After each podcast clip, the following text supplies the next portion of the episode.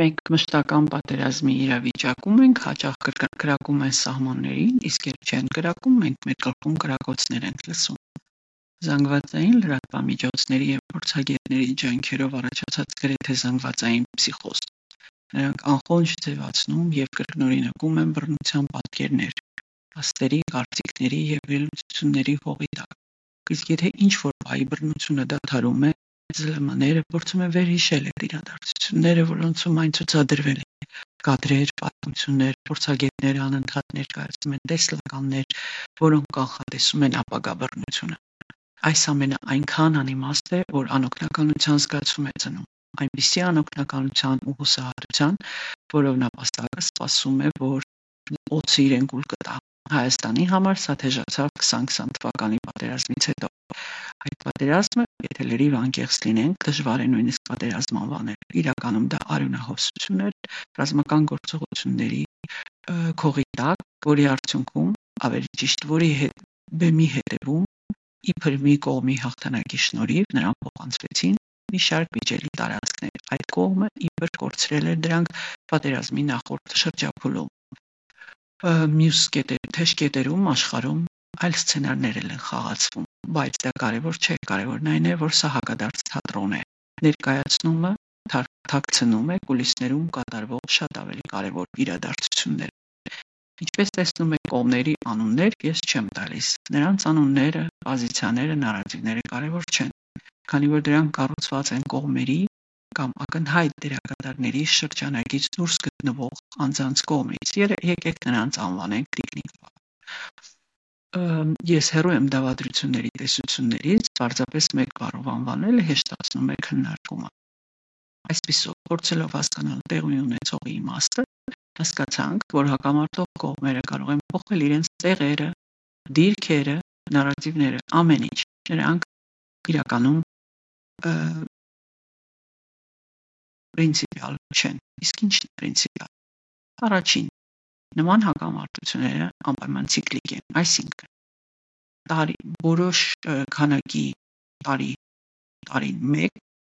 կրնության նոր էսկալացիա է տեղի ունենում իսկ համեմատաբար խաղաղ ժամանակներում ամեն ինչ արվում է այդ էսկալացիան ապահովելու համար մեդիան փորձագետները որոնց մասին խոսում էինք նախորդ սերիաներում պահպանում են այն համոզմունքը ստիպում են մեզ հավատալ նրան որ խաղաղությունը դադար է պատերազմների միջև խաղաղությունը բացառություն է վերացնում ենք գրվախնջերի գրվախնձորը առարկա է առարկա հող որը վերածվել է խորհրդանիշի մարդիկ ովքեր կառուցում են նման խորհրդանիշեր ոչինչից չեն ամաչվում որպիսի խորհրդանիշը գործի պետք է կնքված լինի էգզիստենցիալ սպառնալիքով այսինքն մարդկանց կյանքին որոնք ապրում են այդ ողում վտանգ է սպառնալ իբր Բաղադրատոմսը պարզ է, վերցնում ենք ազգային ուրեմասություն և խնդրահարույց դարձնում նրա գոյությունը։ Մի պետությունը հայտարարում է, որում այն նրանք ապրում են, կամ որում նրանք չեն հայտարարում է, որ պատրաստվում է պաշտպանել նրանց, մյուսը հայտարարում է, որ դա սպառնալիք է իր ամբողջականության համար։ Ոչ ոք չի հարցնում։ Իսկ ինչ եղավ։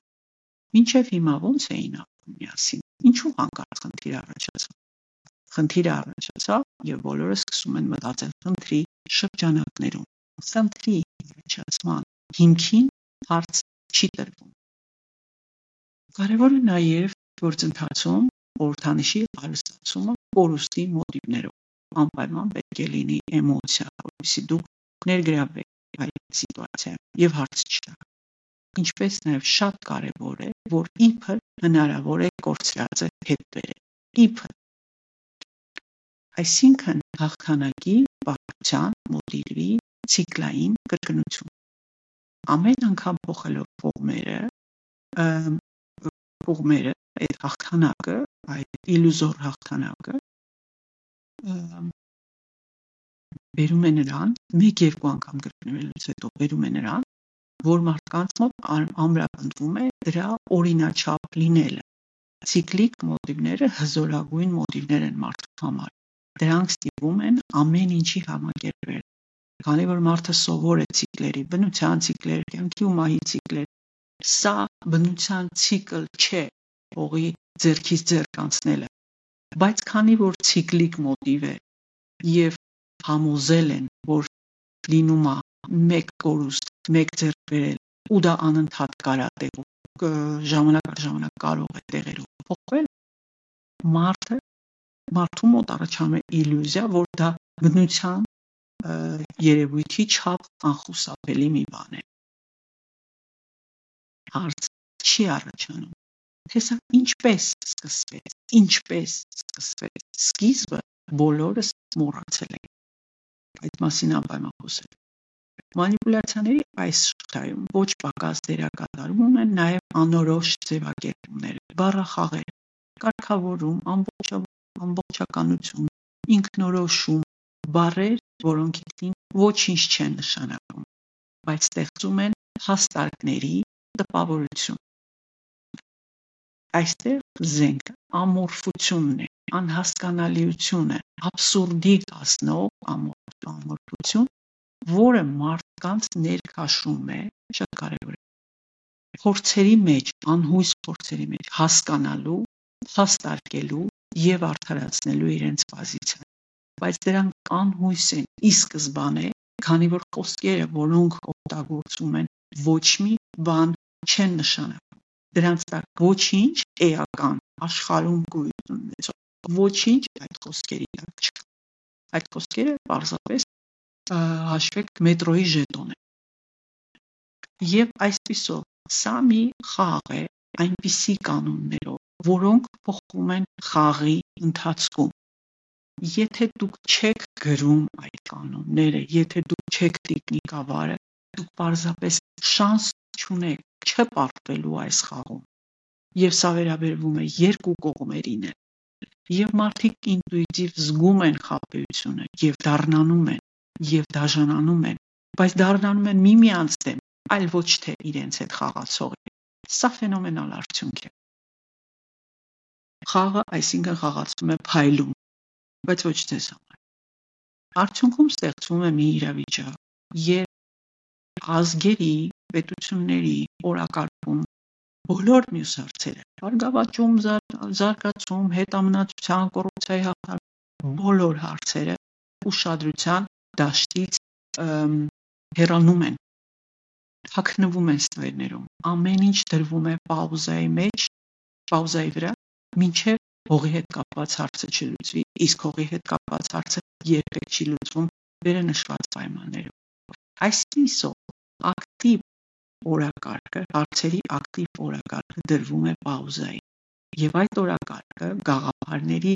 օրակարգը կամ գաղափարների դաշտը աղետալիորեն նեղանում է ամեն օր զարմանալի արդյոք որ դրա հետևանքով եւ զուգահեռ նեղանում է կենսատարածք իհարկե ոչ ոչ թե պատերազմը կամ թշնամիներն են նեղացնում տարածքը այլ այն թե ինչպես ենք մենք մտածում մեր գաղափարների դաշտը ուղիղ արտացոլում է գտնում մեր կենսա դաշտի կամ տարածքի մեջ մենք սկսում ենք մտածել գոյատևման տերմիններով մնացած ընդլայնման, բարգավաճման, զարգացման հարցերը մեզ մոտ բացակայում են օրակարգից եւ բնականաբար կյանքը տալիս է այնինչ մենք ուզում ենք մենք կարող ենք միայն գոյատևել։ Իրականության ամբողջ հոսքից մենք ընտրում եւ տեսնում ենք միայն սպառնալիք, գոյատևում, անխուսափելիություն, վայրագություն եւ նման բաներ։ Իհարկե մեզ օգնում են դա անել, ամբողջ մեդիան լծված է այդ գործի բայց դա իհարկե չի արդարացնում այն, որ մենք էլ համաձայն ենք, որ այդպես լինի։ Այս ամենը լույսի պես բարձ է եւ ես ուզում եմ կիսվել այդ բարձրությամբ։ Եվ գիտեք որն է ամենամեծ իրոնիան, որ երբ խոսում ես մարդկանց հետ բացատրելով այս մեխանիզմները, այս անհույս բառված խաղից խաղի մեխանիզմները եւ մանիպուլյացիան եւ դրանից դուրս գալու անհրաժեշտությունը նրանք 99%-ով համաձայն են։ Նույնիսկ մարդիկ, որոնք ոչինչ չեն հասկանում, այդքանը հասկանում Սակայն ընդամենը մեկ օր անց նրանք նորից անզեն են շարունակող մանիպուլյացիաներից մանիպուլյացիաների առաջ սոցցանցերի օգտագործման արդյունքում հատկապես մարդիկ դարձել են նաև մանիպուլյացիա կրող եւ կատաստրոֆիկ տարածում եւ դա արդեն համաճարական բանական խնդիր է այստեղ արդեն մեծ թվեր են ես այստեղ փորձելու եմ ձեզ նման բաներ մեխանիզմներ սխեմաներ բացատրել թե ինչպես է նայում աշխարհին ու իրականությանը որոշակի ձևով եւ ինչ ինչպես է դա դատապարտում ձեր ձեզ ճակատագրական սխալների եւ ես կասեի քաղցկեղային մտածողության ցույց եմ տալու թե ինչպես են ձևավորվում նման համոզմունքները եւ դա ուր է տանում անխոսափելիորեն չնայած ինքներդ երևի տեսնում եք ուր է տանում անխոսափելիորեն բոլորովին դա չի նշանակում որ սա կփոխի շատերի մտածելակերպը ես նման խնդիր չեմ էլ դրել իմ ինչին է դա պատասխանը կներեք զգացմունքային է ինձ համար պարզապես ցավագին է ուսերեն ասած պիտնի է տեսնել այս ամենի անիմաստությունը մասնավորապես այն հեշտությունը որով մարդիկ դառնում են տգիտության զոհ անտեղյակության ցիկլի շարունակող հրաժարվելով ցանկացած բանական էակին տրված մտածելու եւ կասկածելու իրավունքից։ Տեսալու